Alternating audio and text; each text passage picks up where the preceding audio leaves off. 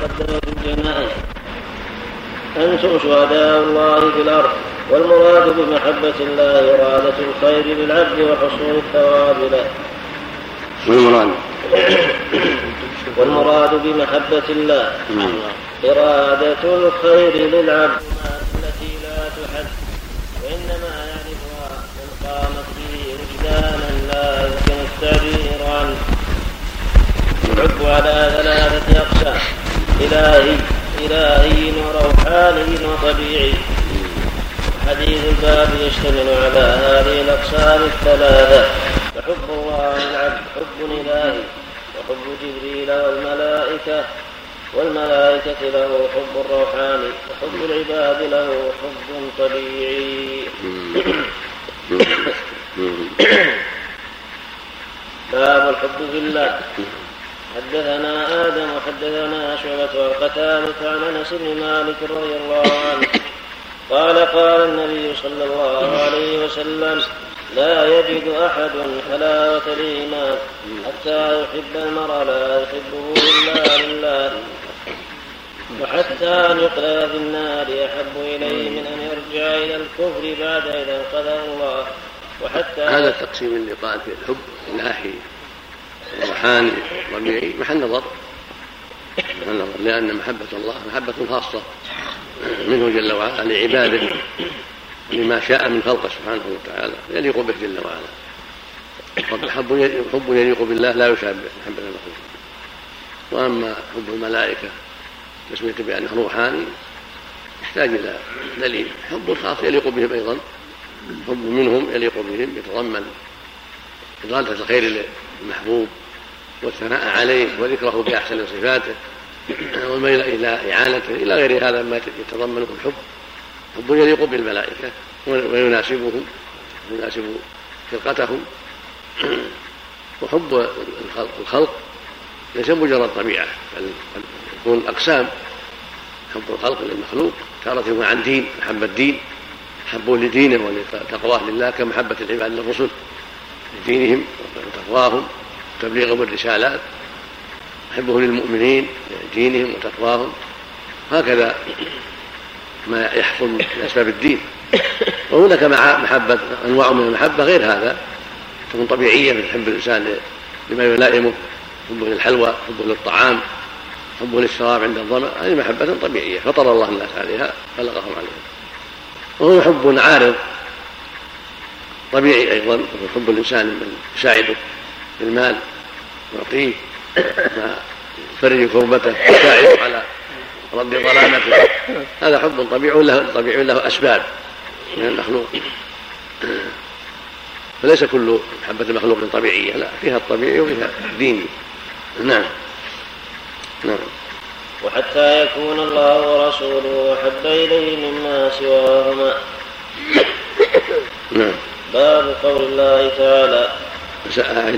باب. باب الحب في الله. نعم. حدثنا آدم حدثنا شعبة عن قتادة عن أنس بن مالك رضي الله عنه. قال قال النبي صلى الله عليه وسلم لا يجد أحد الإيمان حتى يحب المرء لا يحبه إلا لله. وحتى أن يقذف في النار أحب, أحب إليه من أن يرجع إلى الكفر بعد إذا أنقذه الله.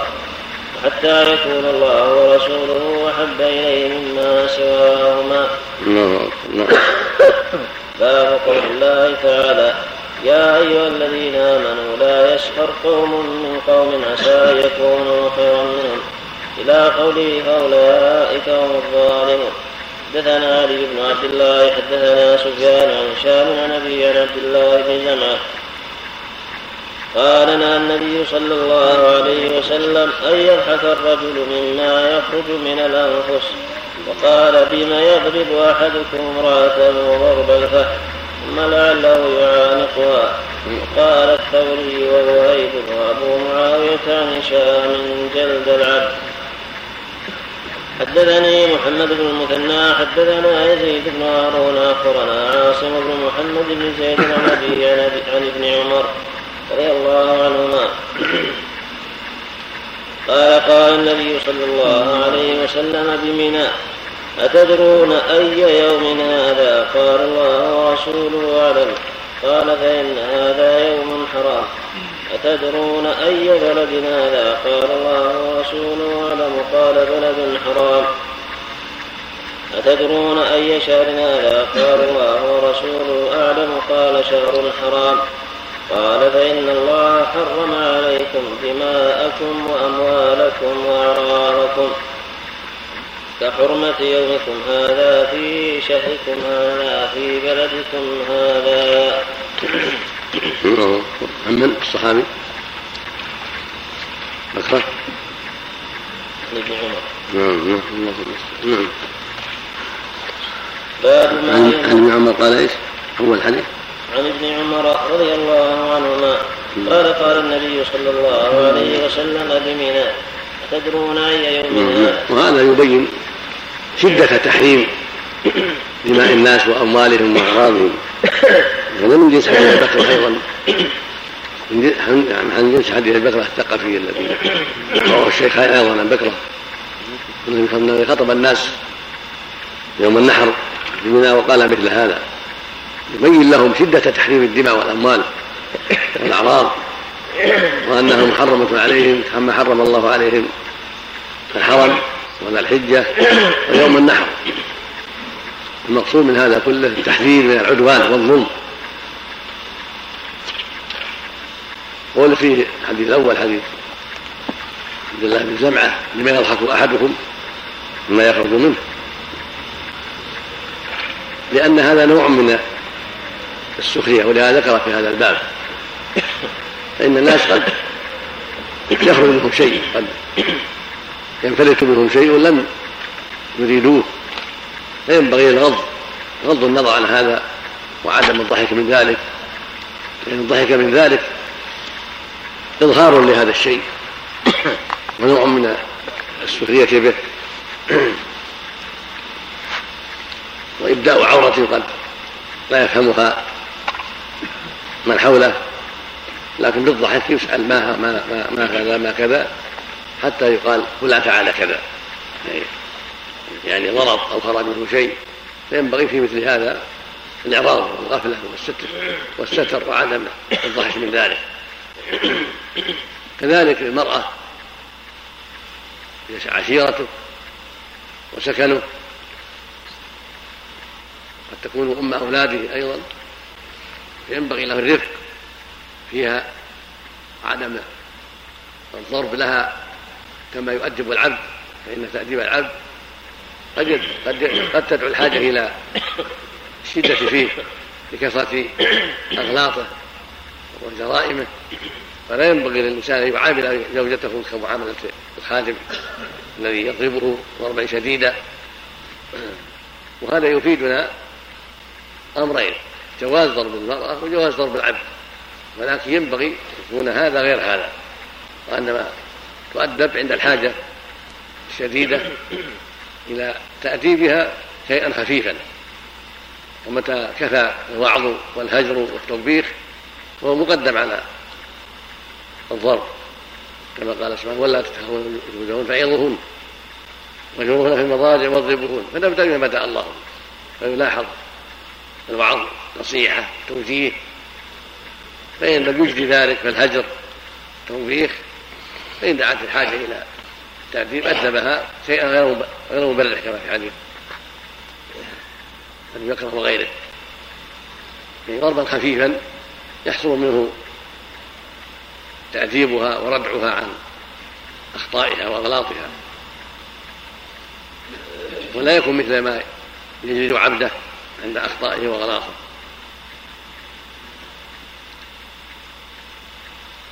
ولهذا قال فلعله يراجعها في آخر يوم. يعني لا يليق به أن يضربها الضرب الشديد وهو قد يميل إليها في وقت قريب وقد يراجعها ويتصل بها فلا يليق منه أن يعامل هذه المعاملة. بل الرفق والعناية بأسباب إزالة ما يجري منها وما يقع منها من نقص بغير الضرر مهما أمكن. وفي حديث ابن عمر هذا جاء في معناه التحذير الشديد من العدوان من المسلم على أخيه أو على المعصوم أو على الدواب. دماءكم وأموالكم وأعراضكم عليكم حرام.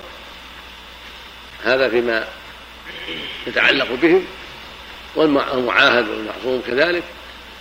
وجاء ما يدل على أيضا تحريم الظلم والعدوان على البهائم وأن الواجب الرزق بها والعناية بها وعدم ظلمها. نعم. باب ما ينهى عن السباب واللعن المال تأشير المال. نعم. الجمرك هذا التأشير هذا هذا حلال. ولا ما هو؟ الجمرك حلال المسلم الموحد الجمرك محرم. نكس قال المكوس لا تجوز لكن الدول يقع من الدول أشياء. ممنوعة قد يكون لهم فيها بعض التأويلات في بعض الأحيان. والأصل في هذا كله تحريم مال المسلم على أخيه. وإذا كان المال ممنوع يمنع. لا يجي إذا كان في خطر ولا في أذى أو الدولة لا تحتاج أو البلاد لا تحتاج يمنع. وما حرم الله يمنع كالخمور وما حرم الله يجب منعه. وأن تاب التوبة وتاب صاحب المحشر. هذا يدل على شدة التحريم. نسأل الله العافية. نعم. باب ما ينهى عن السباب واللعن حدثنا سليمان بن حرب حدثنا شعبة عن منصور قال سمعت أبا وائل يحدث عن عبد الله. بعد هذا. بسم الله الرحمن الرحيم.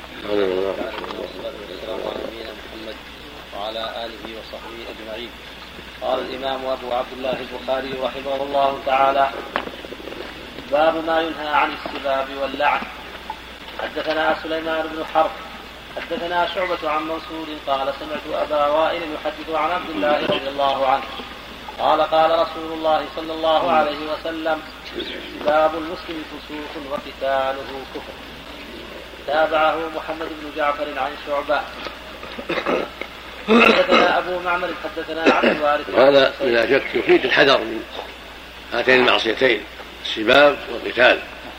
السباب مصدر ساب يساب سبابا قاتل قتالا وأشبه. المعنى أن الشتم واللعن لمن لا يستحق فسوق من فاعله. يعني معصية وخروج عن طاعة الله عز وجل أما القتال فهو أشد. ولهذا قال كفر قال كفر منكر. معناه انه من أعمال الكفر ومن أعمال الجاهلية. فقد يكون كفرا أكبر إذا استحله وقد يكون كفرا دون ذلك إذا لم يستحله. والمقصود من هذا التحذير من وجود القتال بين المسلمين ومسابة ومشاتمة. والمسابة والمشاتمة من وسائل القتال. فكم من مسابة ومشاتمة جرت إلى فتنة وقتال نسأل الله السلامة. نعم. حدثنا أبو معمر حدثنا عبد الوارث عن الحسين عن عبد الله بن بريدة حدثني يحيى بن يعمر أن أبا الأسود أن أبا الأسود الديلي حدثه عن أبي ذر رضي الله عنه أنه سمع النبي صلى الله عليه وسلم يقول لا يرمي رجل رجلا بالفسوق ولا يرميه لا يرمي رجل رجلا بالفسوق ولا يرميه بالكفر إلا ارتد إن لم يكن صاحبه كذلك. حدثنا محمد بن سنان حدثنا فليح بن سليمان حدثنا هلال بن علي عن أنس رضي الله عنه. قال رسول الله صلى الله عليه وسلم فاحشا. ولا عن عبد الله عن أنس رضي الله عنه. قال لم يكن رسول الله صلى الله عليه وسلم فاحشا ولا لعانا ولا سبابا. كان يقول عند المعتبة ما له ترب جبينه. حدثنا محمد بن بشار حدثنا عثمان بن عمر حدثنا علي بن المبارك عن يحيى بن أبي كثير عن أبي قلابة أن ثابت بن الضحاك وكان من أصحاب الشجرة رضي الله عنه. حدثه أن رسول الله صلى الله عليه وسلم قال من حلف على ملة غير الإسلام فهو كما قال وليس على ابن آدم نذر فيما لا يملك ومن قتل نفسه بشيء في الدنيا عذب به يوم القيامة ومن لعن مؤمنا فهو كقتله ومن قذف ومن قذف مؤمنا بكفر فهو كقتله. هذا الحديث حديث عظيم ومن أحاديث الصحيحين. فيه تحذير من هذه الخصال الذميمة. اولا كون يحلف بملة غير الإسلام كان يقول هو يهودي أو نصراني أو مجوسي إن فعل كذا أو لم يفعل كذا هذا فيه الوعيد. إذا كان كاذب متعمد فهو كما قال وهذا وعيد عظيم نسأل الله العافية. فيه من الفوائد ليس له نذر فيما لا يملك. كان يقول لله أن يعتق عبد فلان أو أمة فلان. هذا لا ليس بالصحيح لأنه لا يملك ذلك. فيه من الفوائد أنه إذا قتل نفسه بشيء كسم أو حديدة أو غير ذلك عذب به يوم القيامة. في نار جهنم نسأل الله العافية. فيها أن لعن المؤمن وقذفه بالكفر كقتله. هذا وعيد عظيم. وقتل له شأن عظيم. فدل ذلك على أن قذفه بالكفر أو لعنه كقتله. ثم هو وسيلة لذلك فإن كثيرا من السباب والشتام يجر إلى الفتن والقتل. هذا تنفير عظيم من السب. تحذير منه. نعم اللهم المستعان اذا نذر. النبي صلى الله عليه وسلم. نعم. لا يملكه. يكفر. لا. ما جاء في تكفير إنما جاء في معصيه نذر معصيه أما هذا نذر باطل.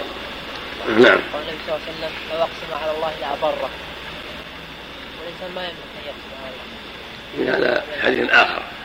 هذا لصلاحه وتقواه. قد يقع هذا. مثل ما جرى لابراهيم بن مالك وغيره. مما جرى أيضا في قصة الربيع. نعم. حدثنا عمر بن حفص حدثنا أبي حدثنا الأعمش قال حدثني أبي بن ثابت قال سمعت سليمان بن صرد رجلا, رجلا من أصحاب النبي صلى الله عليه وسلم رضي الله عنه قال استب رجلان عند النبي صلى الله عليه وسلم فغضب أحدهما فاشتد غضبه حتى انتفخ وجهه وتغير. فقال النبي صلى الله عليه وسلم إني لأعلم كلمة لو قالها لذهب عنه الذي يجد. فانطلق إليه الرجل فأخبره بقول النبي صلى الله عليه وسلم وقال تعوذ بالله من الشيطان. فقال أترى بي بأس أمجنون أنا؟ اذهب. وهذا يدل على ما زال في الغضب ما زال الغضب وقد اشتد به. ولهذا لم يرعوا للنصيحة. فالغضب أمره خطير. ولهذا قد يقتل قد يرتد عن دينه. نسأل الله السلامة. المقصود أن السنة لمن غضب أن يتعوذ بالله من الشيطان. كما تعوذ به فمتى تعوذ صادقا راغبا. أعاذه الله من شر ما وقع منه وهدأ غضبه. ولهذا قصص إني لا أعلم كلمة لو قالها لذهب عنه ما يجد يعني لو قالها بصدق وإخلاص. أعوذ بالله من الشيطان الرجيم. الغضب جمرة تغلي في قلب الإنسان نار فينبغي له أن يطفئها بالوضوء كما جاء في الحديث الصحيح أيضا ويطفئها بالتعوذ بالله من الشيطان وبالإكثار من ذكر الله عز وجل وبالإمساك عن الخوف ما اغضبه والخروج من المحل أو الجلوس أو غير ذلك مما يشغله عن هذا الذي وقع فيه من البلاء. نعم. حدثنا مسدد حدثنا بشر بن المفضل عن حميد قال قال أنس رضي الله عنه حدثني عبادة بن الصامت رضي الله عنه قال خرج رسول الله صلى الله عليه وسلم ليخبر الناس بليلة القدر فتلاحى رجلان من المسلمين. قال النبي صلى الله عليه وسلم خرجت لأخبركم فتلاحى فلان وفلان وإنها رفعت وعسى أن يكون خيرا فالتمسوها في التاسعة والسابعة والخامسة. والمعنى في هذا أن التلاحي والخصومات والمشاجرات قد تكون سببا لحرمان بعض الخير. خرج ليخبرهم فتلاحى هذان الرجلان فأنسيها ورفعت عليه وعسى أن يكون خيرا يعني تعيينها. لكنها في العشر الأواخر نعم. ولهذا نعم. عندك وعسى يكون خيرا لكم. قرأ. نعم. نعم. نعم. اللهم المستعان لأن رفعها وعدم العلم بعينها وسيلة إلى كثرة العمل الصالح والاجتهاد في العشر الأخيرة. كل ليلة يقول لعلها هذه الليلة. بخلاف لو كانت معينة في الخامسة أو السابعة أو في الثالثة أو في الحادية لربما تكاسل عن بقية الليالي. فمن حكمة الله عز وجل أن جعلها في هذه العشر ليجتهد المسلمون في العشر كلها. نعم. حدثنا عمر بن حفص حدثنا أبي حدثنا الأعمش عن المعرور هو ابن سويد عن أبي ذر رضي الله عنه.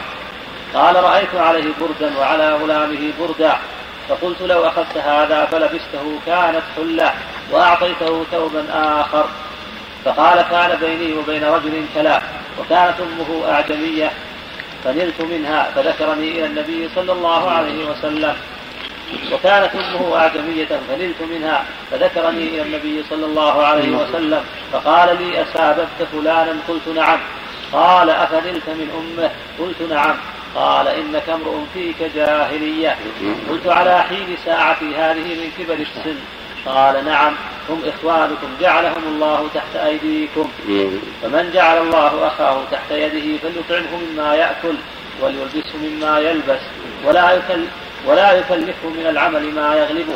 فإن كلفه ما يغلبه فليعنه عليه.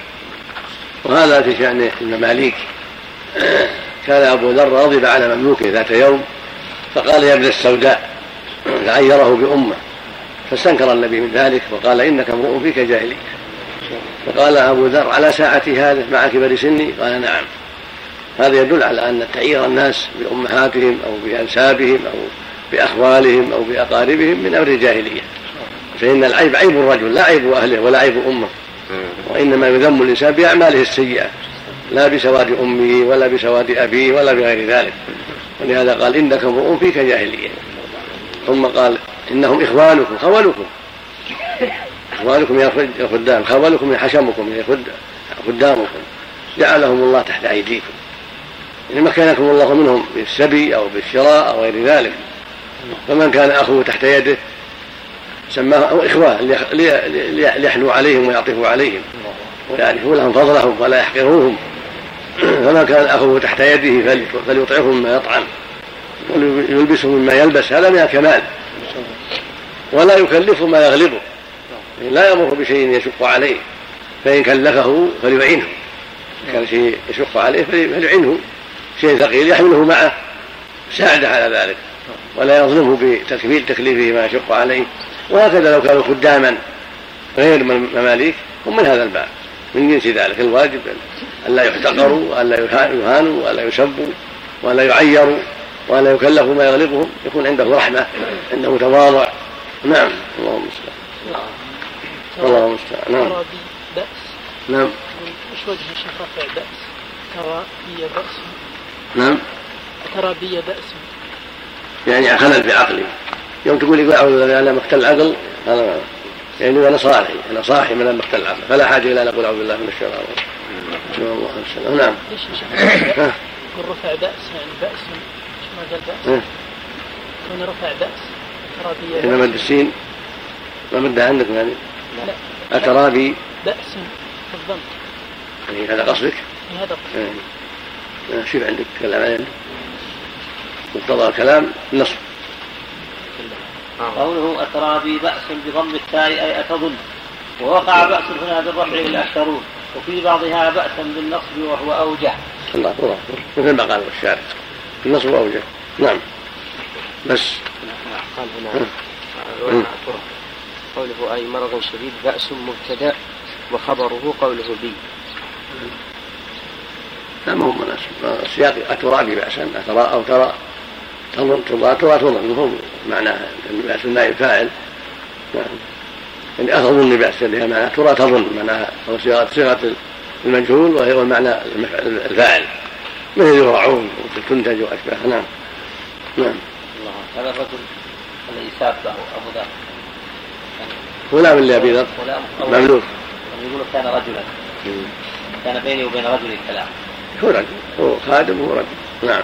لكن أبهم هنا أقول أبهم هنا بين في رواية أخرى أنه غلام له لا؟ خير لا خير في كثير من القوم الا صدق ومضى واصلاح بين الناس. ما عدا ذلك يعني في كثير لا خير في كثير. نعم. ذكر انه بلال نعم. ذكر أنه بلال رواية. الشارع. رواية ولا؟ سببت رجلا وقد تقدم شرحه في كتاب الإيمان وأن الرجل المذكور هو بلال المؤذن لا مو كان اسمه الحمام مو الله لا. المقصود غلام الله كما في رواية غلام الله مملوك له لا بذر. ولهذا كان يعطيه مثل حلته يلبسه مثل حلته. إذا لبس حلة جديدة أعطاه حلة جديدة. والرأي رأى مع الحلة مختلفة. الرداء من نوع والإزار من نوع. وعلى أبي ذر مثل ذلك. الرداء من نوع والإزار من نوع. فقال الرجل لو أنك أخذت الذي على الغلام من الإزار الذي يوافق حلة إلا يوافق إزار من الرداء يوافق إزارك وجعلته عليك حتى يكون عندك حلة كاملة. وهو يكون عنده حلة كاملة فأبى قال أراد أن يساويه في الطيب والخلق. نعم. باب ما يجوز لذكر الناس يأثم إذا ما إذا زاد لا لا بس لا اللازم طعامه كسبته مثل ما في الحديث الآخر. للمملوك طعامه وكسبته فلا يكلف نعم الا ما يطيق هذا الواجب انه يعطيه من جنس امثاله من لباس امثاله لكن إذا جعله مثله يكون أفضل. إذا تواضع وجعل ملابسه واحد كان أفضل. وكذلك كان طعامهم واحد أفضل. نعم. الله باب ما يجوز من ذكر الناس نحو قولهم الطويل والقصير. بركة سم. اللهم صل نعم. صف كم؟ 468 سم. نعم. بسم الله الرحمن الرحيم. الحمد لله رب العالمين وصلى الله وسلم على نبينا محمد وعلى آله وصحبه أجمعين. قال ثم إذا على عدم وجوب أن يكون السواء في الطعام؟ قول في الحديث اللي رواه الشيخان إذا أتى أحدكم خادمه بطعامه لم يجلسه معه فليناوله لقمه ولقمتين فإنه تولى حره ودخانه. هذا يدل على ما يلزمه أن يكون سواء الطعام لكن من باب مكارم الأخلاق تسويه نعم.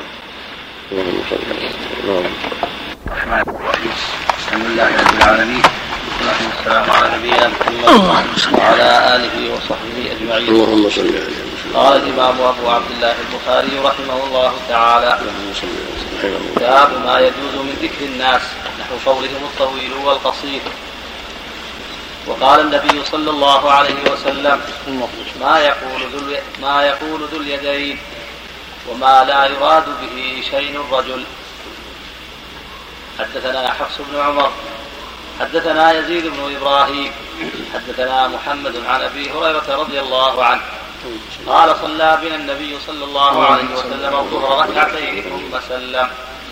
ثم قام إلى خشبة في مقدم المسجد ووضع يده عليها. وفي القوم يومئذ أبو بكر وعمر فهابا أن يكلما. وخرج سرعان الناس فقالوا قصرت الصلاة. وفي القوم رجل كان النبي صلى الله عليه وسلم يدعوه ذا اليدين. فقال يا نبي الله أنسيت أم قصرت؟ فقال لم أنس ولم تقصر. قال قالوا بل نسيت يا رسول الله. قال صدق ذو قال صدق ذو اليدين. فقام فصلى ركعتين ثم سلم ثم كبر فسجد مثل سجوده أو أطول. ثم ثم رفع رأسه وكبر ثم وضع مثل سجوده أو أطول. ثم رفع رأسه وكبر. وهذا الحديث وما جاء في معناه يدل على أن النسيان يجوز على الأنبياء عليهم الصلاة والسلام. ولهذا ثبت في حديث مسعود انه صلى الله عليه وسلم. قال إنما أنا بشر بشر مثله أنسى كما تنسون. فإذا نسيت فذكروني. وفيه من الفوائد أن دعوة الإنسان بما يعرف به لا يسمى غيبة. كان معروفا بذلك كذي اليدين أو العمس أعرج أو ما أشبه ذلك. إذا كان معروفا بذلك ليس القصد عيبه ولا شينه. إنما المقصود دعوته بالشيء الذي يعرف به فليس هذا من الغيبة. ولهذا قال صدق ذو اليدين. والأئمة في أئمة الحديث يقولون عن الأعمش عن الأعرج عن الأعور لأنهم عرفوا بهذه الأشياء وصارت أعلاما عليهم لا يكرهونها ولا تعتبر غيبة. هكذا الطويل والقصير والأسمر. والأبيض ونحو ذلك إذا كانت أعلاما على أهلها. أما إذا كان المقصود الغيبة كان يقول القصير والأعرج يغتابه بذلك يذمه يعيبه هذا هو هو الذي يدخل في الغيبة ولهذا لما قالت عائشة رضي الله عنها للنبي صلى حسبك من صفية غير أنها قصيرة. لقد قلت كلمة لو مزجت من البحر لمزجته يقول قصير لأن قصدها ليس التعريف من المقصود ذمها. فصار غيبة. وهكذا ما أشبه ذلك البخيل والشرس كذا وكذا مما يقصد به عيبه. هذا من الغيبة. وفيه من الفوائد أن الإنسان متى سلم من اثنتين في الظهر أو في العصر أو في المغرب أو في العشاء أو من واحدة في الفجر أو في الجمعة فإنه يأتي بما نقص. يقوم يكمل صلاته ويتممها ثم يسلم ثم يكون سجوده بعد السلام. سجدتين كسجوده في الصلاة في تكبير يكبر ثم يسجد ثم يرفع يكبر ثم يسجد يكبر ثم يرفع يكبر ثم يسلم كما فعل النبي صلى الله عليه وسلم في قصة اليدين نعم الله إليك تلقيت بما يكره ولو علم انه يكره اللقب هذا اذا عرف به ما يضر نعم لكن معروف به ما يسمى غيبه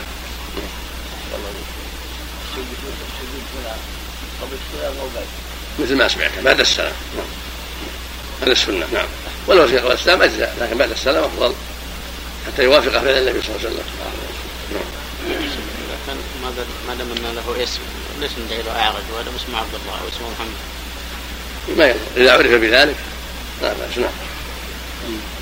نعم. باب الغيبة. وقول الله تعالى ولا يغتب بعضكم بعضا أيحب أحدكم أن يأكل لحم أخيه ميتا فكرهتموه. اتقوا الله إن الله تواب رحيم.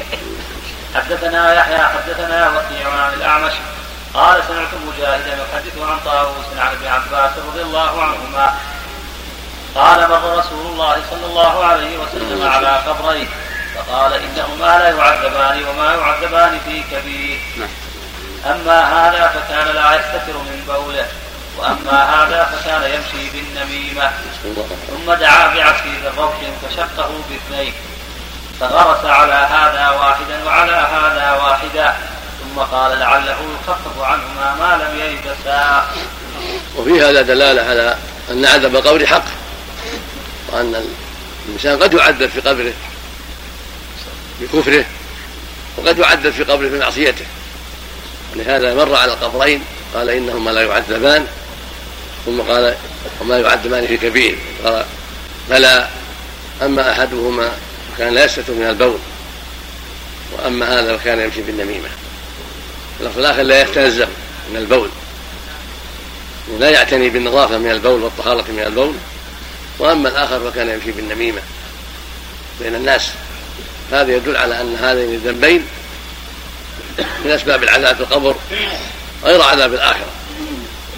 ففيه الحذر من التساهل بالبول وأن الواجب العناية بالطهارة منه وما يصيب الثوب أو البدن من ذلك وأن لا يتساهل في ذلك. وفيه الحذر من النميمة والنميمة نقل كلام زيد إلى عمرو كلام الشيء كلام قبيح الذي يثير الفتن. كلام زيد إلى عمرو كلام القبيله إلى القبيله كما الأسرة إلى كلام أسرة إلى أسرة. كلام قرية إلى قرية مثل الشحنة والعداوة. هذه النميمة. وكلما عظمت الفتنة بذلك صار صار الذنب أعظم صار الإثم أكبر. فيها أنه صلى الله عليه وسلم غرز عليهما جريدتين ولعله يخفف عنهما لم يلبسا. هذا لشيء اطلع عليه يخصه ماء ولهذا لم يفعل هذا مع بقية القبور فدل ذلك على أنه خاص بهما ولا يقاس عليهما غيرهما. لأن الله أطلع على عذابهما. ونحن لا نطلع على عذاب أهل القبور. وأيضا ولم يفعله مع بقية القبور فدل ذلك على أنه خاص بهذين القبرين نعم. الآن البخاري يرى أن النميمة نعم. أقول صنيع البخاري يرى النميمة مرادفة للغيبة ومن جهة النفس. يظهر من ترجمته أن الغيبة ملحقة بالنميمة. كما أن النميمة تثير الشر والفتن هكذا هكذا الغيبة. فإن المغتاب إذا بلغه الخبر تأثر. وربما أفضى إلى تضاربه أو أو تشابه مع صاحب الغيبة أو ما هو أكبر من ذلك. فصارت من جنسه.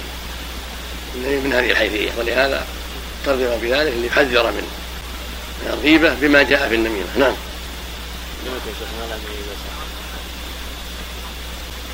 هذا لحكمة بالغة. نعم. انهما تنفعان ما دامتا ركبتين قال بعض السلف انهما تسبحان والله أعلم. نعم. عليك كانه ما صح عندهم حديث في الصراحه في الغيبة. إن لم يأتي بشيء نعم. إن لم يأتي بعد اكتفى بهذا لأن ليس عنده شيء على شرطه. وروى مسلم في الصحيح عن أبي هريرة رضي الله عنه. النبي صلى الله عليه وسلم قال أغيب ذكرك أخاك ما أكره إذا رسول إن كان أخي في أخي ما أقول قال إن كان أخي ما تقول فقد اغتبته وإن لم يكن فقد بهته. رواه مسلم. في حديث رواه أحمد وغيره. بإسناد صحيح أن الرسول صلى الله عليه وسلم لما به لما عرج به إلى السماء مر على قوم أظهار من من نحاس. يخمشون بها وجوههم وصدورهم. فقال يا جبريل من هؤلاء؟ قال هؤلاء يكون لحوم الناس ويقعون في أعراضهم نسأل الله العافية. نعم. باب قول النبي صلى الله عليه وسلم خير دور الأنصار. حدثنا قبيصة حدثنا سفيان. عن ابي الزناد عن ابي سلمة كان كان حشاء الترجمة شعر على الترجمة غيبة باب قوله باب الغيبة وقول الله تعالى ولا يغتب بعضكم بعضا. الآية. هكذا اكتفى بذكر الآية المصدحة بالنهي عن الغيبة ولم يذكر حكمها كما ذكر حكم النميمة. بعد باب كما ذكر حكم النميمة بعد بابين حيث جزم بأن النميمة من الكبائر. وقد اختلف في حد الغيبة وفي حكمها. فأما حدها فقال الراغب هي أن يذكر هي أن يذكر هي أن يذكر الإنسان عيب غيره من غير من غير محوج إلى ذكر ذلك. وقال الغزالي حد الغيبة أن تذكر أخاك بما يكرهه لو بلغه. وقال ابن الأثير في النهاية الغيبة أن تذكر الإنسان في غيبته بسوء وإن كان فيه. وقال النووي في الأذكار تبعا للغزالي ذكر المرء بما يكرهه. سواء كان ذلك في بدن الشخص أو دينه أو دنياه أو نفسه أو خلقه أو خلقه أو ماله أو والده أو ولده أو زوجه أو خادمه أو ثوبه أو حركته أو أو أو أو طلاقته أو عبوسته أو غير ذلك مما يتعلق به سواء ذكرته باللفظ أو بالإشارة والرمز قال النووي وممن يستعمل التعريض في ذلك كثير من الفقهاء في التصانيف وغيرها كقولهم قال بعض من يدعي العلم أو بعض من ينسب إلى الصلاح. أو نحو ذلك مما يفهم السامع المراد به ومنه قولهم عند ذكره الله يعافينا الله يتوب علينا نسأل الله السلامة. ونحو ذلك وكل ذلك من الغيبة. هذا إشارة إلى نقص فيه نعم. قال بعضهم ولم يعلم إشارة إلى أنه ليس فيه ليس بعالم يدعي وليس بعالم. لا بلغ هذا يكره. نعم بس ما عين أحد. ما عين أحد. الصحيح إنما يكون غيبة إلا إذا عين. إذا اشتهر عن القول يا شيخ عرف به. هذا قد يكون في هذا يعني لأن الناس يعرفونه. نعم. الاكثر لا غيبة لمجهول. النبي صلى الله عليه وسلم بين الغيبة يعني ما حاجة إلى هذا الكلام الكثير النبي قال ذكرك أخاك ما ضبطه عليه الصلاة والسلام. هذا الكلام الذي قال عنه وغيره هذا هو كلام النبي. ذكرك أخاك بما يكره النبي صلى الله عليه وسلم ضبط هذا وحده. نعم. نعم, كم كلام؟ تمسك من قال وتمسك من قال إنه لا يشترط فيها غيبة الشخص بالحديث بالحديث المشهور الذي أخرجه مسلم وأصحاب السنن عن أبي هريرة رضي الله عنه رفعه أتدرون ما الغيبة؟ قال الله ورسوله أعلم. قال ذكرك أخاك بما يكرهه قال أفرأيت إن كان في أخي ما أقول؟ قال إن كان في أخيك ما تقول فقد اغتبته. وإن لم يكن فيه ما تقول فقد بهته. وله شاهد مرسل عن المطلب بن عبد الله عند مالك. فلم يقيد ذلك بغيبة الشخص. غيبة الشخص. فدل على أنه فدل على أن لا فرق بين أن يقول ذلك في غيبته أو في حضوره. والأرجح اختصاصها بالغيبة مراعاة لاشتقاقها. وبذلك جزم أهل اللغة. قال دثي الغيبة ذكر المرء بما يكرهه بظهر الغيب. وكذا قيده الزمخشري الزمخشري وأبو نصر القشيري في التفسير. وابن خميس في جزء له مفرد في الغيبة. والمنذري وغير واحد من العلماء من آخرهم الكرماني. قال الغيبة أن تتكلم خلف الإنسان بما يكرهه لو سمعه وكان صدقا. قال وحكم الكناية والإشارة مع النية كذلك. وكلام من وكلام من أطلق منه من أطلق منهم محمول على المقيد في ذلك. وقد وقع في حديث سليم بن جابر. هذا بيان في الأصل والحديث سبق سيق لبيان صفتها. واقتدي باسمها على ذكر محلها. نعم المواجهة بما بما ذكر حرام لأنه داخل في السب والشك وأما حكمها فقال النووي في الأذكار الغيبة والنميمة محرمتان بإجماع المسلمين. وقد تظاهرت الأدلة على ذلك وذكر في الروضة تبعا للرافعي أنها من الصغائر وتعقبه جماعة. ونقل أبو عبد الله القرطبي في تفسيره الإجماع على أنها من الكبائر لأن حد الكبيرة صادق عليها لأنها مما ثبت الوعيد الشديد فيه. وقال الأذرعي لم أرى من صرح بأنها من الصغائر إلا صاحب العدة إلا صاحب العدة والغزال. وصرح بعضهم بأنها من الكبائر وإذا لم يثبت الإجماع فلا أقل من التفصيل فمن اغتاب وليا لله أو عالما ليس كمن كمن اغتاب مجهول الحالة مثلا. وقد قالوا ضابطها ذكر الشخص بما يكره. هي من الكبائر لكن الكبيرة تختلف ليست الكبائر على حد سواء. مثل الصغائر ليست على حد سواء مثل الطاعات ليست على حد سواء. الغيبة من الكبائر والنميمة من الكبائر لكنها تختلف. بعضها أشد من بعض. فمن ارتاب العالم والمؤمن السليم والبعيد عما يظن به ليس كمن ارتاب عامة الناس. وإن كان الكل قد أتى ذنبا وأتى كبيرة. وهكذا فواحش ليست على حد سواء. المقصود أن الكبائر مختلفة. متفاوتة في عظم الاسم. نسأل الله. العافية نعم. قد قالوا ضابطها ذكر الشخص بما يكره. وهذا يختلف باختلاف ما يقال فيه. وقد يشتد تأديه بذلك. وهذا المسلم حرام. وذكر النووي من الأحاديث الدالة على تحريم الغيبة حديث أنس رضي الله عنه رفعه. لما عرج به لما عرج به مررت بقوم لهم ابطار من نحاس يخدشون بها وجوههم وصدورهم. من هؤلاء يا جبريل. قال هؤلاء الذين ياكلون لحوم الناس ويقعون في أعراضهم. أخرجه أبو داود وله شاهد من وله شاهد عن ابن عباس رضي الله عنهما عند أحمد. وحديث سعيد بن زيد رفع إن من أرض الربا إن من أرض الربا الاستطالة في عرض في عرض المسلم بغير حق. أخرجه أبو داود. وله شاهد عند البزاري. وابن أبي الدنيا عند البزاري وابن أبي الدنيا من حديث أبي هريرة رضي الله عنه. وعند أبي يعلى من حديث عائشة رضي الله عنها ومن حديث أبي هريرة رضي الله عنه رفع من أكل لحم أخيه في الدنيا كذب له يوم القيامة فيقال له كله ميتا ميتا كما أكلته حيا فيأكله ويفلح ويصيح سنده حسن. وفي الأدب المفرد عن ابن مسعود رضي الله عنه قال ما التقم أحد لقمة شرا من الثياب مؤمن. الحديث. وفي أيضا وصححه يكفي يكفي. نعم. الله لا حول ولا قوة إلا بالله. نعم. معنى ويكلح الله. يعني يظهر الكراهة. يتبع على وجه الكراهة. وذكر النووي من الأحاديث الدالة على تحريم الغيبة حديث أنس رضي الله عنه رفع لما عرج به لما عرج به مررت بقوم لهم أبصار من نحاس يخمشون بها وجوههم وصدورهم. وجه من هؤلاء يا جبريل؟ قال هؤلاء الذين يأكلون لحوم الناس ويقعون في أعراضهم.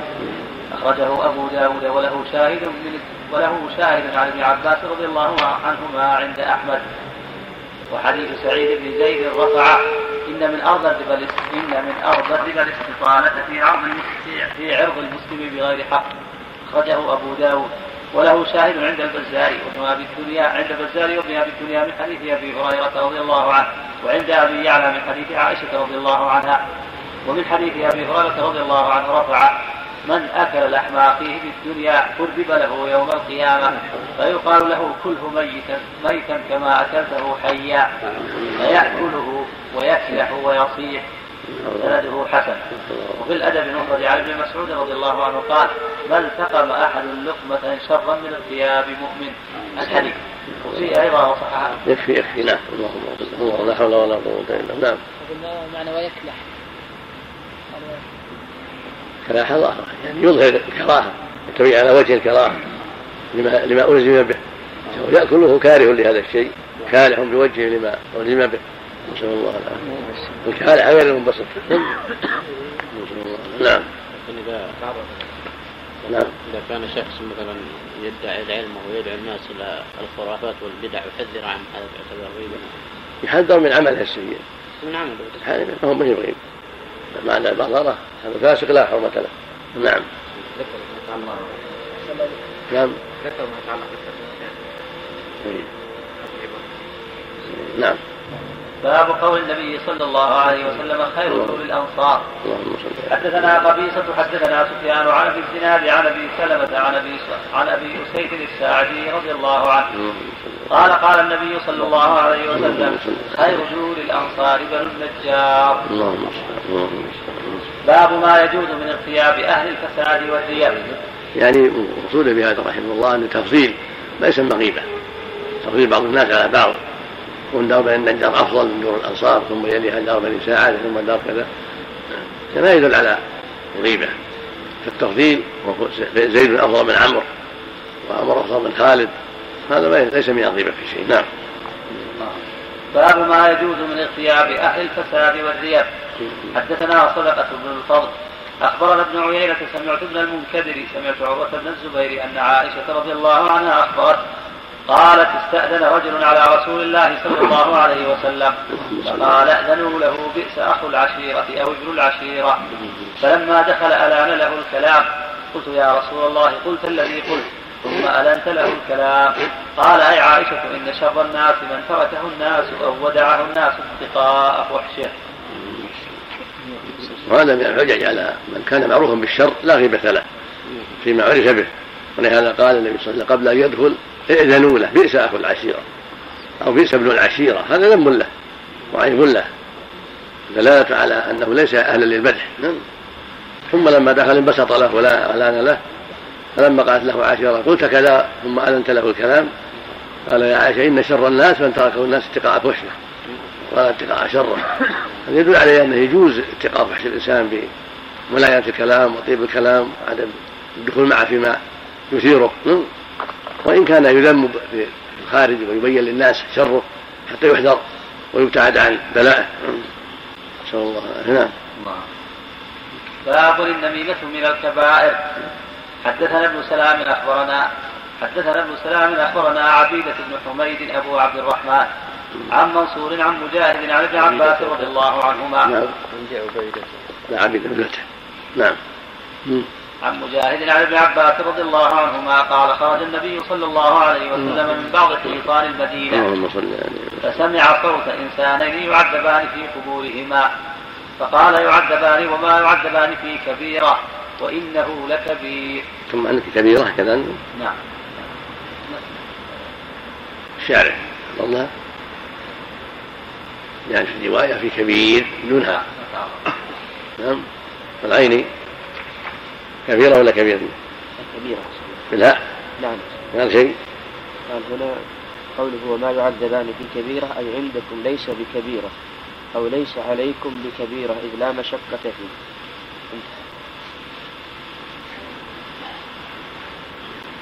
محاء الفتح ما تعرض. تراجع بعض النسخ الأخرى نعرف نعرف كثير من دون زيادة الهاء يعني قيل في شاق أو في كبير في أنفسكما. ثم قال بلى كما الرواية الأخرى. بلى إنه لكبير. نعم كمل. نعم. فسمع نعم. فسمع صوت إنسان يعذبان في قبورهما فقال يعذبان وما يعذبان في كبيرة وإنه لكبير. كان أحدهما لا يستتر من البول. وكان الآخر يمشي بالنميمة. ثم دعا بجريدة فكسرها بكسرتين أو ثنتين فجعل كسرة في قبر هذا وكسرة في قبر هذا فقال لعله يخفف عنهما ما لم ييبسا. باب ما يكره من النميمة وقوله, وقوله تعالى هماز مشاء بنميم ويل لكل همزة لمزة يهمز ويلمز ويعيب واحد. حدثنا أبو نعيم حدثنا سفيان عن منصور عن إبراهيم عن همام قال كنا مع حذيفة رضي الله عنه. فقيل له إن رجلا يرفع الحديث إلى عثمان. فقال حذيفة سمعت النبي صلى الله عليه وسلم يقول لا يدخل الجنة قتال وهو النمام نعم نعم باب قول الله تعالى واجتنبوا قول الزور. حدثنا أحمد بن حدثنا أحمد بن يونس حدثنا ابن أبي حدثنا ابن أبي ذئب عن المغفوري عن ابيه عن أبي هريرة رضي الله عنه عن النبي صلى الله عليه وسلم قال من لم يدع قول الزور والعمل به والعمل به والجهل فليس لله حاجة أن يدع طعامه وشرابه. قال أحمد أفهمني رجل إسناده حدثنا حدثنا أحمد بن يونس حدثنا ابن أبي ذئب عن المقبوري عن أبيه عن أبي هريرة رضي الله عنه عن النبي صلى الله عليه وسلم قال من لم يدع قول الزور والعمل به والجهل فليس لله حاجة أن يدع طعامه وشرابه. قال أحمد أفهمني رجل إسناده ترجمة إيش؟ ترجمة. باب قول الله تعالى واجتنبوا قول الزور. في الشارع قال أحمد. قوله قال أحمد. وقوله هنا في آخره قال أحمد أفهمني رجل إسناده أحمد هو ابن يونس المذكور. والمعنى أنه لما سمع الحديث من ابن أبي ذئب لم يتيقن لم يتيقن إسناده من لفظ شيخه فأفهمه إياه رجل كان معه في المجلس. وقد خالف أبو داود رواية البخاري فأخرج الحديث المذكور عن أحمد بن يونس هذا لكن قال في آخره قال أحمد فهمت إسناده من ابن أبي ذئب وأفهم للحديث رجل إلى جنبه أراه ابن أخيه. وهكذا أخرجه الإسماعيلي عن إبراهيم بن شريك عن أحمد بن يونس وهذا عكس ما ذكره البخاري. فإن مقتضى روايته أن المثنى فهمه أحمد من شيخه ولم يفهم الإسناد منه بخلاف ما قال أبو داود وإبراهيم وإبراهيم بن شريك. فيحمل على أن أحمد بن يونس حدث به على الوجهين. وخبط الكرماني هنا فقال قال أفهمني أي كنت نسيت هذا الإسناد؟ فذكرني رجل إسناده ووجه الخط نسبته إلى أحمد بن يونس نسيان الإسناد وأن التذكير وقع له من الرجل بعد ذلك وليس كذلك بل أراد أنه لما سمعه من ابن أبي ذئب خفي عنه بعض لفظه. أما على رواية البخاري فمن الإسناد وأما على رواية أبي داود فمن المتن وكان الرجل بجنبه فكأنه استفهمه عما خفي عليه منه فأفهمه. فلما كان بعد ذلك وتصدى للتحديث به أخبر بالواقع. ولم يستجد أن يسنده عن ابن أبي ذئب بغير بيان. وقد وقع مثل ذلك لكثير من المحدثين. وعقد الخطيب لذلك بابا في كتاب الكفاية. وانظر إلى قوله أفهمني رجل إلى جنب أي إلى جنب ابن أبي ذئب. ثم قال الكرماني وأراد رجل عظيم والتنوين يدل عليه. والغرض مدح شيخ ابن أبي ذئب. أو أو رجل آخر غيره أفهمني انتهى. ولم يتعين أنه تعظيم للرجل الذي أفهمه من مجرد قوله رجل بل الذي فيه أنه إما نسي اسمه فعبر عنه برجل أو كنا عن اسمه عمدا. وأما مدح شيخه فليس في السياق ما يقتضيه. قلت وابن أبي ذئب هو محمد بن عبد الرحمن بن المغيرة المخزومي وكان له أخوان المغيرة وطالوت. ولم أقف على اسم ولم أقف على اسم ابن أخيه المذكور ولا على تعيين أبيه أيهما هو. قال ابن التين ظاهر الحديث أن من اغتاب في صومه فهو مبطل وإليه ذهب بعض السلف وذهب الجمهور إلى خلافه لكن معنى الحديث أن الغيبة من الكبائر وأن إثمها لا يفي له بأجل صومه فكأنه في حكم المبطل. قلت وفي كلامه مناقشة لأن حديث الباب لا ذكر للغيبة فيه وإنما فيه قول الزور والعمل به والجهل ولكن الحكم والتأويل في كل ذلك ما أشار إليه والله أعلم. وقوله فيه فليس لله حاجة هو مجاز عن عدم قبول الصوم. قال عيني العيني رد على الحافظ في الكلام. وشو قوله أفهمني قال أحمد أفهمني قوله قال أحمد. وابن يونس المذكور أفهمني رجل إسناده وإسناد الحديث المذكور كأنه لم يتقن إسناده من لفظ شيخه ابن أبي ذئب فأفهمه رجل غيره وبعكس هذا قاله أبو داود. وذلك أنه لما روى هذا الحديث قال في آخره قال أحمد فهمت إسناده من ابن أبي ذئب وأفهمني الحديث رجل إلى جنبه أراه ابن أخيه وقال الكرماني قال أحمد أفهمني أي كنت نسيت هذا الإسناد فذكرني رجل إسناده أو أراد رجلا عظيما والتنوين يدل عليه والغرض مدح شيخه ابن أبي ذئب أو رجل آخر غيره أفهمه انتهى. وقال بعضهم خبط الكرماني هنا قلت هو من الذي خبط. من وجوه الأول فيه ترك الأدب في حق من تقدمه في الإسلام والعلم والتصنيف. والثاني ما نقل كلامه مثل ما نقلته بل خبط, بل خبط فيه حيث قال قال أي الكرماني قوله أفهمني. أي كنت نسيت هذا الإسناد فذكرني به رجل أو أراد رجل آخر عظيم لما يدل عليه التنكير. والغرض مدح شيخه أو آخر أو آخر انتهى. هذا الذي ذكره هذا القائل ونسبه إلى الكرماني. فانظر إلى التفاوت بين الكلامين فالناظر الذي يتأمل فيه يعرف أن التخفيق جاء من أين. والثالث أنه فهم من قوله أو رجل آخر أنه يمدح شيخه وليس كذلك بل غرضه أن يمدح شيخه أو رجل آخر غيره أفهمه كما صرح به. الله المستعان. نعم الله المستعان. نعم. باب ما قيل في ذي الوجهين. بارك اللهم صل على نعم. صحيح الصوم يطلب لا الصحيح نقص المعاصي تنقص الصوم ولا تبطل. بسم الله الرحمن الرحيم. الحمد لله رب العالمين وصلى الله وسلم على نبينا محمد وعلى آله وصحبه أجمعين. قال شيخ الإسلام ابن تيمية رحمه الله تعالى الوجه الرابع أن هذا السؤال لا يختص بهؤلاء.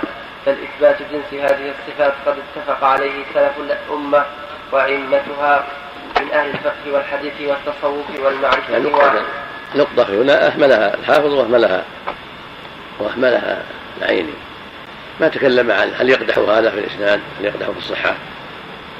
هذا ما ما ما فهم بقية الإسناد. والرجل مبهم. كيف لم يتكلم في هذا؟ نعم؟ إن هذا يقدح في الإسناد ما فهم آخر الإسناد كيف يروي هكذا؟ ثم لم يتكلم في ذلك ولم يذكر الشارح إسنادا آخر غيره حتى يزيل اللبس مع في رواية أخرى عدم الجهل. من لم يدع قول الزور والعمل به من غير ذكر الجهل كما تقدمت في الصيام. وهذا انفرد به البخاري دون مسلم. وكان الواجب على الحافظ وعلى العيني أن يعتني بهذا. ويذكر من من روى غير البخاري غير أبي داود. وهل رواه حتى غير أحمد بن يونس؟ زال زال هذا الاشكال يعني بقي عليه ما بقي في هذا. وعفى الله عنه. نعم. نعم. ما يحتمل يتعرض له في المقدمة. نعم. ما يحتمل يتعرض لا لا يأتي لا نعم. قال الحديث مضى في كتاب الصوم. فإنه أخرجه هناك عن آدم بن أبي إياس عن ابن أبي عندكم في العيني نعم. وش قال العيني؟ في أوله لا في هذا والحديث. والحديث مضى في كتاب الصوم في باب من لم يدع قول الزور. إيه. فإنه أخرجه هناك عن آدم بن أبي إياس عن ابن أبي ذئب إلى آخره. طيب هذا أحسن. الحافظ ما ذكر هذا نعم؟ هذا كلام العيني طيب. نعم. نعم.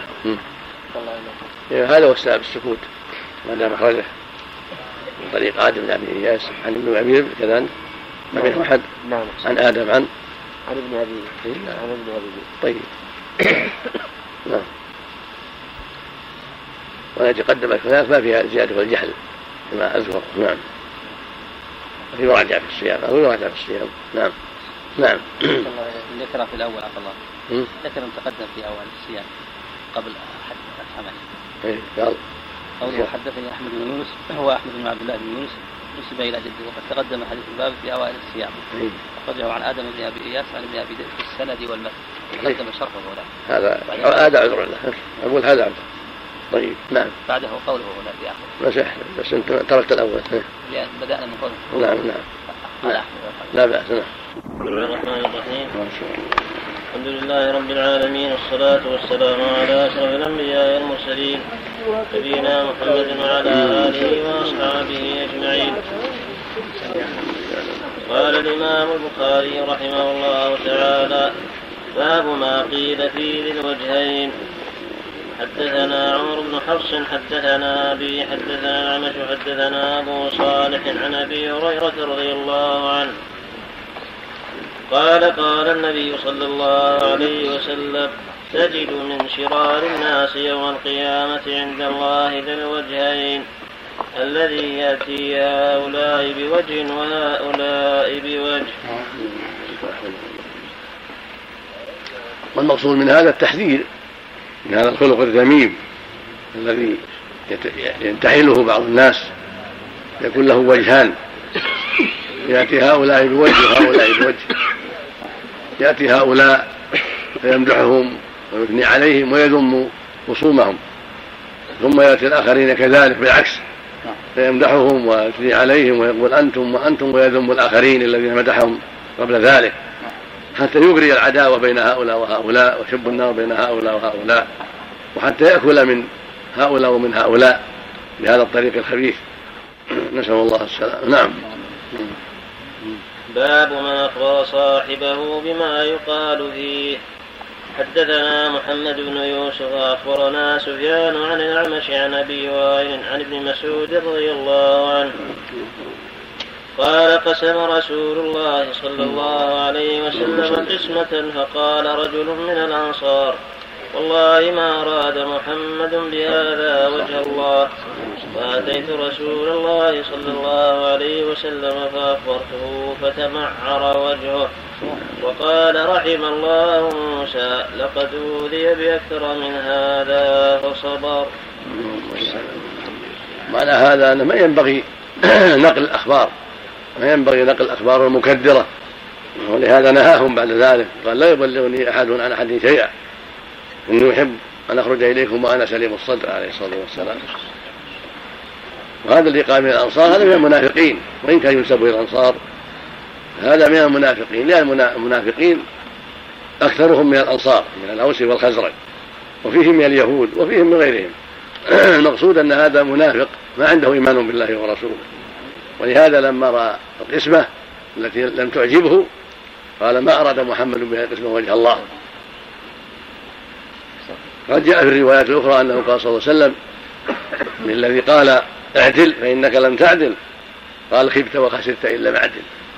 فمن يعدل إذا لم يعدل الله ورسوله. ثم قال ألا تأمنوني وأنا أمين في السماء؟ يأتينا خبر السماء صباحا ومساء. يعني الذي أمنني وهو الله عز وجل على هذا الأمر. أنتم لا تأمنونني. يرد عليهم ويحذرهم وينكر عليهم ما قد يقع. ثم يتأسى بموسى عليه الصلاة والسلام لأن الله قال له فاصبر كما صبر العزم من الرسل أمر أن يصبر كما صبر أولئك الأخيار فقال رحم الله موسى ابن عمران كريم الرحمن فقد أوذي بأكثر من هذا فصبر. فالمؤمن له أسوة بالأخيار. المؤمن له أسوة إذا أوذي وامتحن فيتذكر من قبله من الأخيار فله فيهم أسوة حتى يتعزى بذلك وتخف عنه المصيبة. لأنه ليس ليس واحدا في الميدان بل له نظراء وله أشباه سبقوه. نعم. البخاري أراد يترجم ذم هذا الفعل ولا بيان الجواز؟ تنبيه على حكمه. بيان التنبيه على حكمه. حكمه المنع. إذا كان يسبب فتنة يسبب شرا.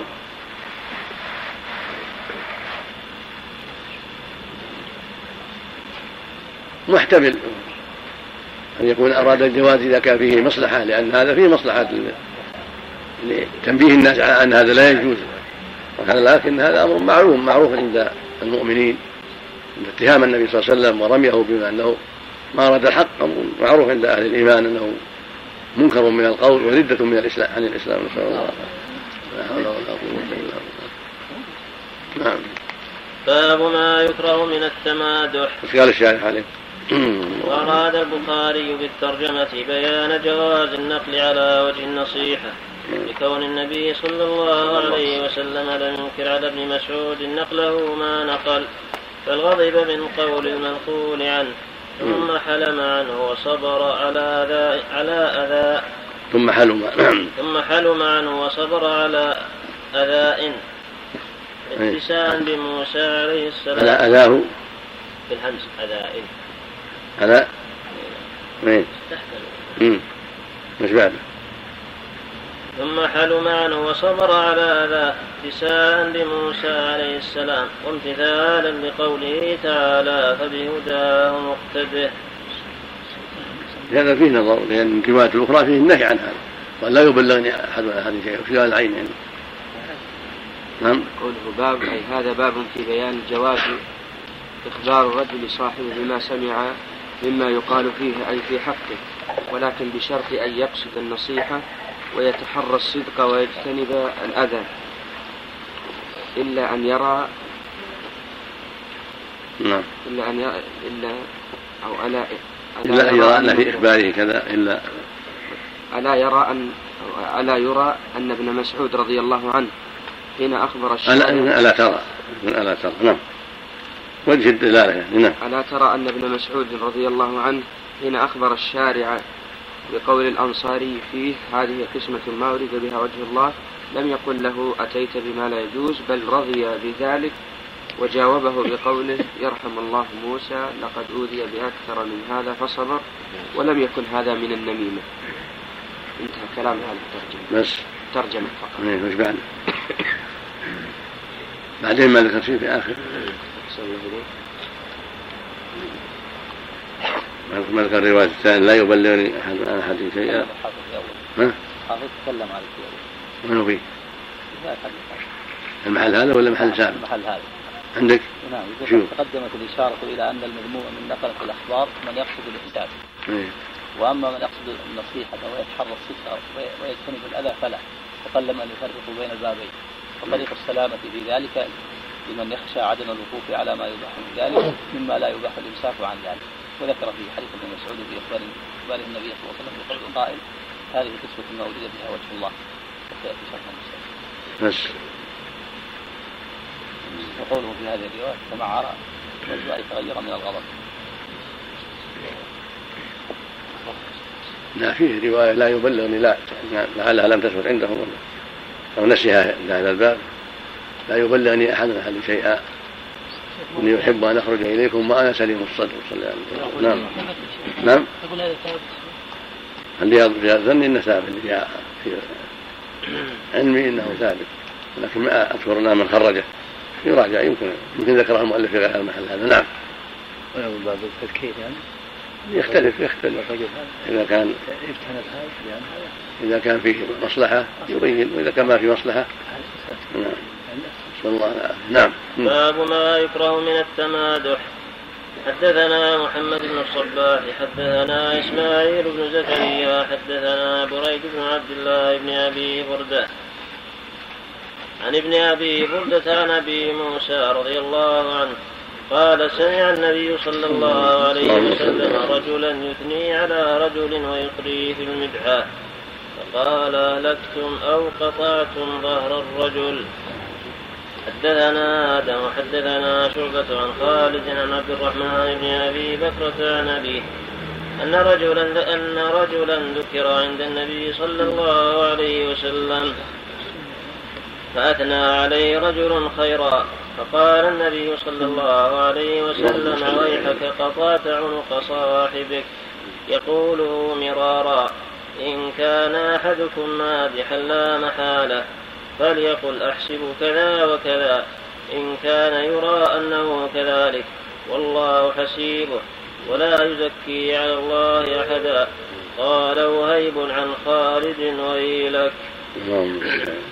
هذا فيه الحث على الاقتصاد في المدح وعدم الإسراف والتجاوز. فإن هذا قد يهلك صاحبه قد يبتلى بالكبر والتعاظم فيقع في مهلكة. لكن إذا كان ولا بد فليقل باقتصاد وأحسبه كذلك والله حسيبه. فالاقتصاد في هذا ينفع ولا يضر. مع قوله يحسبه كذلك والله حسيبه ولا يزكي على الله أحدا. من هذا قول صلى الله عليه وسلم لعمر ما سلكت فجا إلا سلك الشيطان فجا غير فجه هذا مدح مختصر. هكذا مدحه لبعض الصحابة إنه لا رجل صالح. فالمدح القليل الذي يشجع على الخير ويعين على الخير لا يضر. أما التوسع في المدح والاستكثار منه فقد يهلك صاحبه كما قال النبي صلى الله عليه وسلم. نعم. باب من أثنى على أخيه بما يعلم. وقال سعد ما سمعت النبي صلى الله عليه وسلم يقول لأحد يمشي على الأرض إنه من أهل الجنة إلا لعبد الله بن سلام. حدثنا علي بن عبد الله حدثنا سفيان وحدثنا موسى بن عقبة عن سالم عن أبيه. أن رسول الله صلى الله عليه وسلم حين ذكر حين ذكر في الإزار ما ذكر قال أبو بكر رضي الله عنه يا رسول الله إن إزاري يسقط من أحد شقيه قال إنك لست منهم. اللهم اللفظ الآخر إنك لست ممن يفعله خيلاء نعم. العشرة كذلك داخل هذا من مدح القليل الذي فيه الخير العظيم. نعم. باب قول الله تعالى إن الله يأمر بالعدل والإحسان وإيتاء ذي القربى. من سعد لم يسمع إلا قصة عبد الله بن سلام لا ينافي ما هو ثابت من المدح لآخرين منهم سعد رضي الله سعد هذا منهم من عاشر المشهور لهم بالجنة رضي الله عنهم. هكذا ما قال في ثابت بن بن شماس انه من أهل الجنة. وهكذا الخلفاء الراشدون بقية العشرة رضي الله عنهم. نعم. والرجل ظهر. والرجل ظهر. هو عبد الله بن نعم. اللهم صل نعم. باب قول الله تعالى اللهم صل نعم. إن الله يأمر بالعدل والإحسان وإيتاء ذي القربى وينهى عن الفحشاء والمنكر والبغي يعظكم لعلكم تذكرون. وقوله إنما بغيكم على أنفسكم. وقوله ثم بغي عليه لينصرنه الله.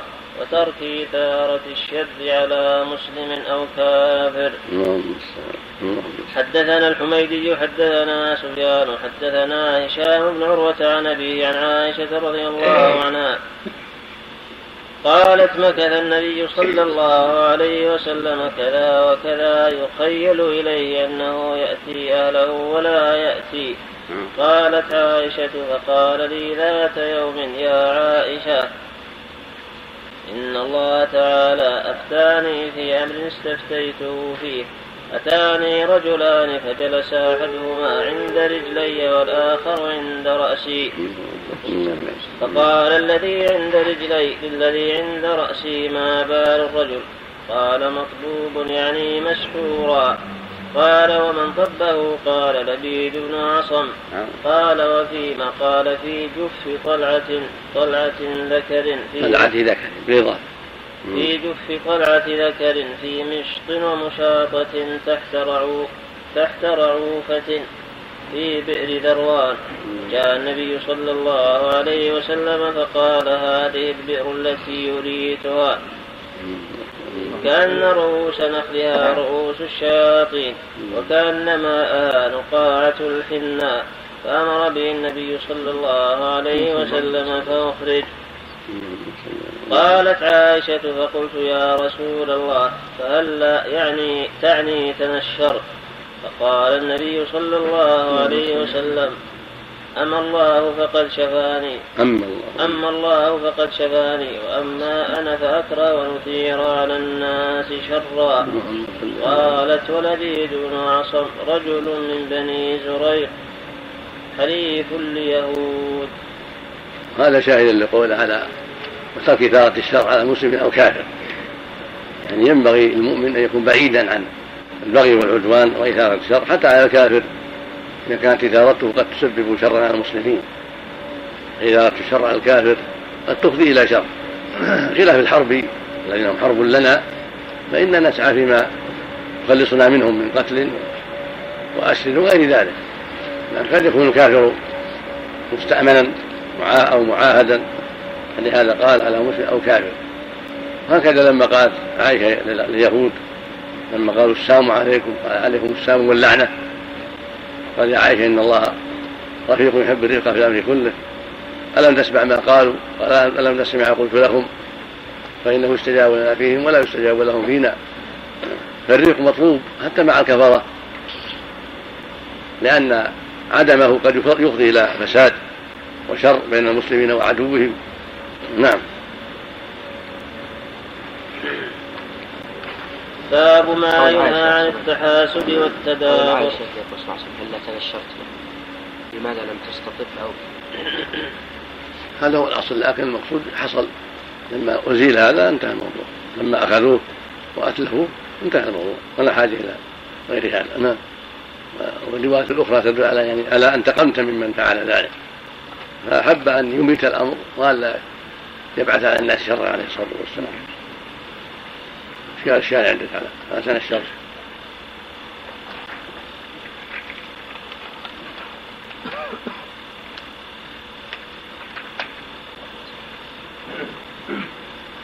قوله مطبوب يعني مسحورا هذا التفسير مدرج في الخبر. بعد وقد بينت ذلك عند شرح الحديث في كتاب الطب وكذا قوله فهلا تعني تنشرت ومن قال ومأخوذ من النشرة أو من نشر الشيء بمعنى إظهاره وكيف يجمع بين قولها؟ فأخرج وبين قولها في الرواية الأخرى هل استخرجته وأن حاصله أن الإخراج الواقع كان لأصل السحر والاستخراج والاستخراج المنفي كان لأجزاء السحر.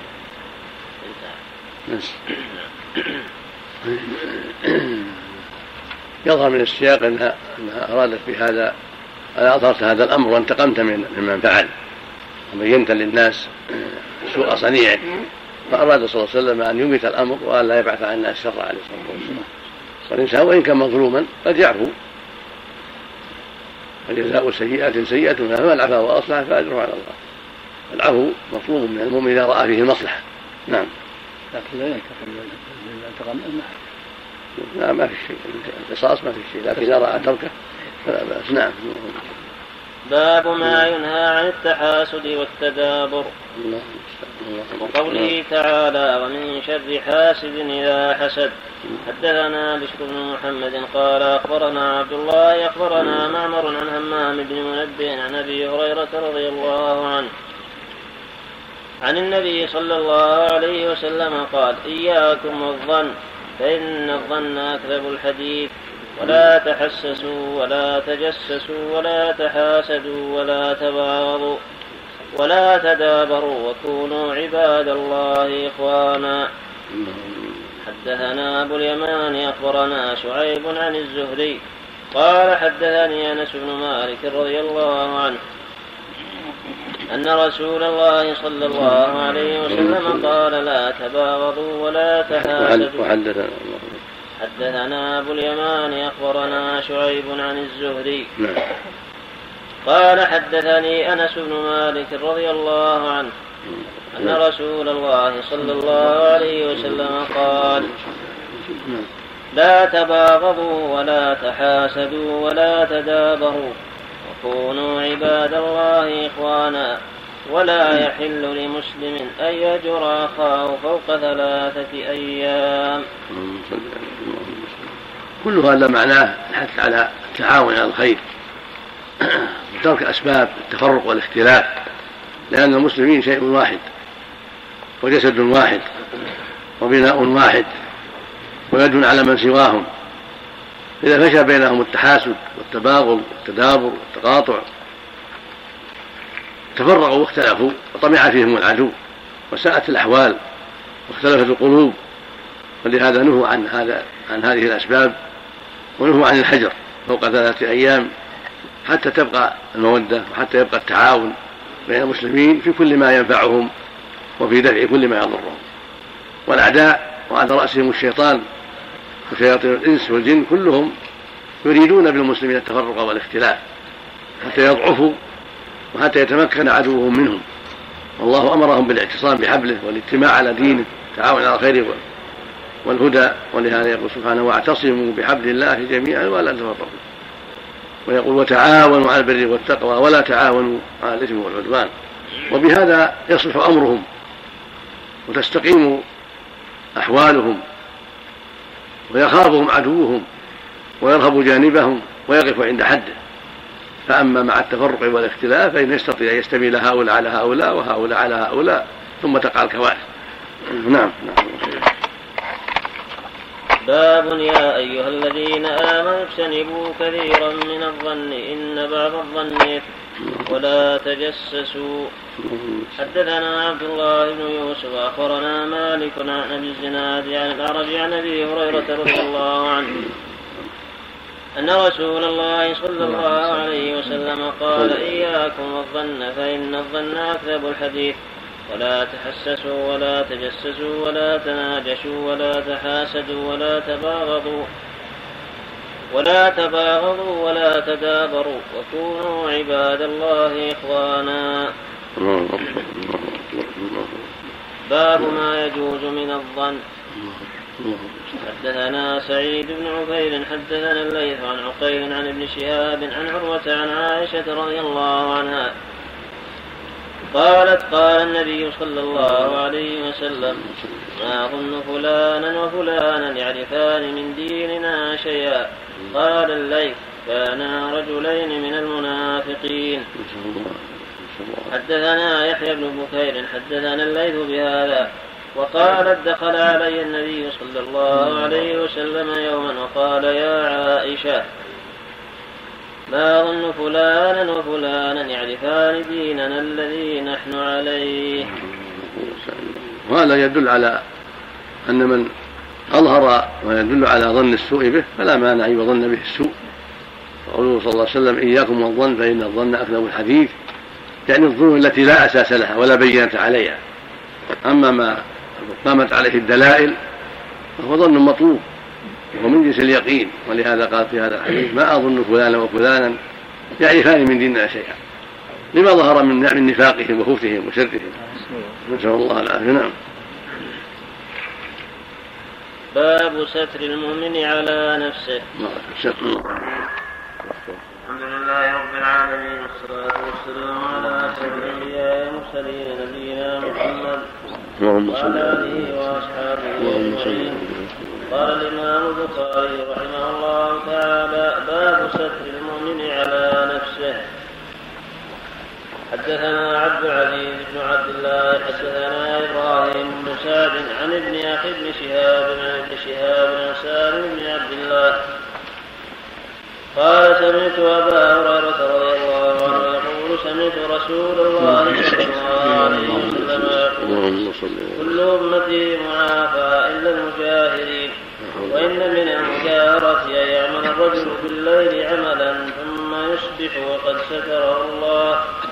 فيقول يا فلان عملت البارحة كذا وكذا وقد بات يسره ربه ويصبح يكشف ستر الله. هذا فيه التحذير من المجاهرة بالمعاصي وأن المجاهرة صاحبها ليس من أهل العافية بل هو من المبتلين. الذين ابتلوا بإظهار فواحشهم ومنكراتهم وفضائحهم. وهذا لا شك إنه من المنكر العظيم من الفساد الكبير لأنه إذا أظهر المعاصي قد يتأسى به غيره ويجترئ على غيره ويجترئ عليها غيره تاسيا به. أما إذا أخفاها وسترها بينه وبين الله فهو أحرى بأن يتوب إلى الله ولا يضر الناس بإظهارها. ولهذا قال عليه الصلاة والسلام كل أمتي معافى إلا المجاهرين فدل ذلك على أنهم ليسوا من أهل العافية نعوذ بالله من ذلك. وإن من المجاهرة ان العبد المعصية في الليل فيصبح يتحدث بها ويقول فعلت البارحة كذا وكذا وكذا. فيصبح وقد ستره الله ويفضح نفسه نسأل الله العافية. وفي هذا الحذر من التبجح بالمعاصي وإظهارها مطلقة وأن عاقبة ذلك وخيمه وأن صاحبها ليس من أهل العافية نعوذ بالله. فالواجب الستر بستر الله اولا الحذر من المعاصي والبعد عنها وعن أسبابها وعن مجالسة أهلها ثم إذا ابتلي فالواجب أن يستر بستر الله وأن لا يتظاهر بها بل يبادر بالتوبة والإقلاع والندم. لعل الله يتوب إليه لعل الله يتوب عليه. نعم. حدثنا مسدد حدثنا معاويه عن قتادة عن صفوان بن محرز أن رجلا سأل ابن عمر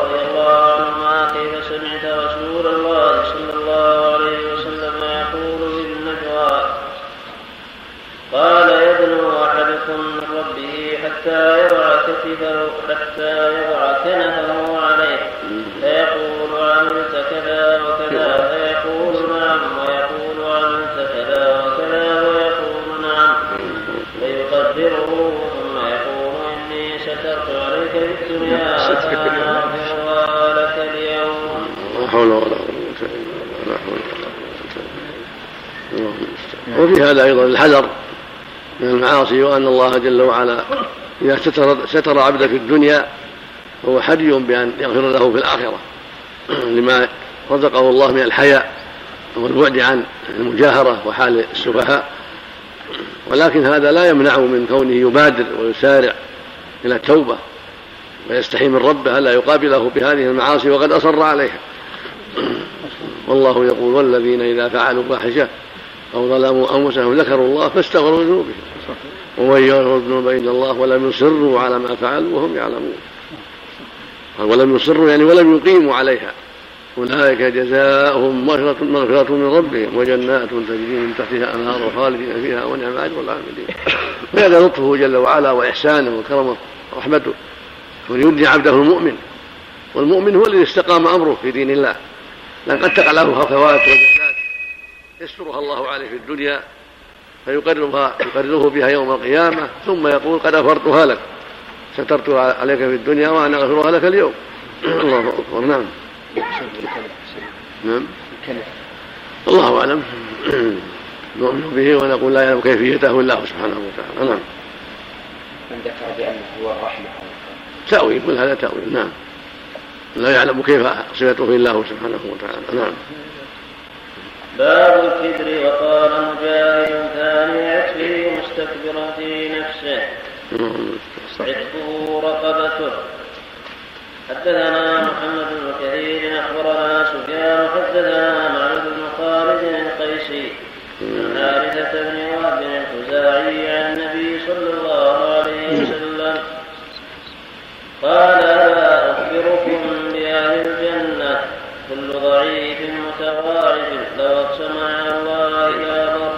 حدثنا حدثنا.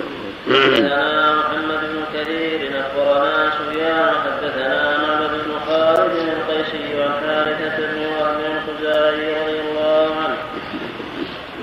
عن النبي صلى الله عليه وسلم قال لا أخبركم بأهل الجنة كل ضعيف متواعد لو كان عندك متضاع ما الضاد عندك؟ نعم. متضاعف. شوف الشارع معروف متضعفين. نعم. والشارع عليه العين. العين. ذكر في الشرح حسن علي قال هنا ويروى متضعف ومستضعف. أيضا. والكل يرجع إلى معنى واحد. والشارع الحافظ كذلك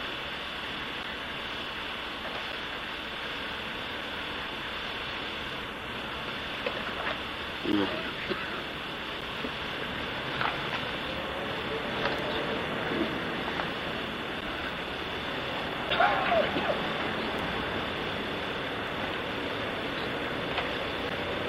تعرض له كل ضعيف نعم كل ضعيف نعم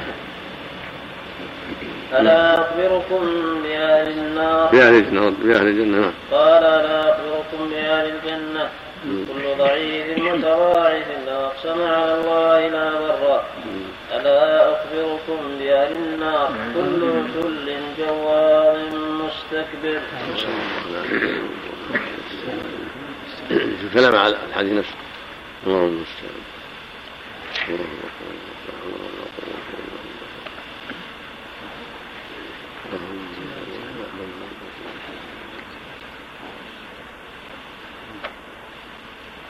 باب الباب باب وين؟ باب باب؟ باب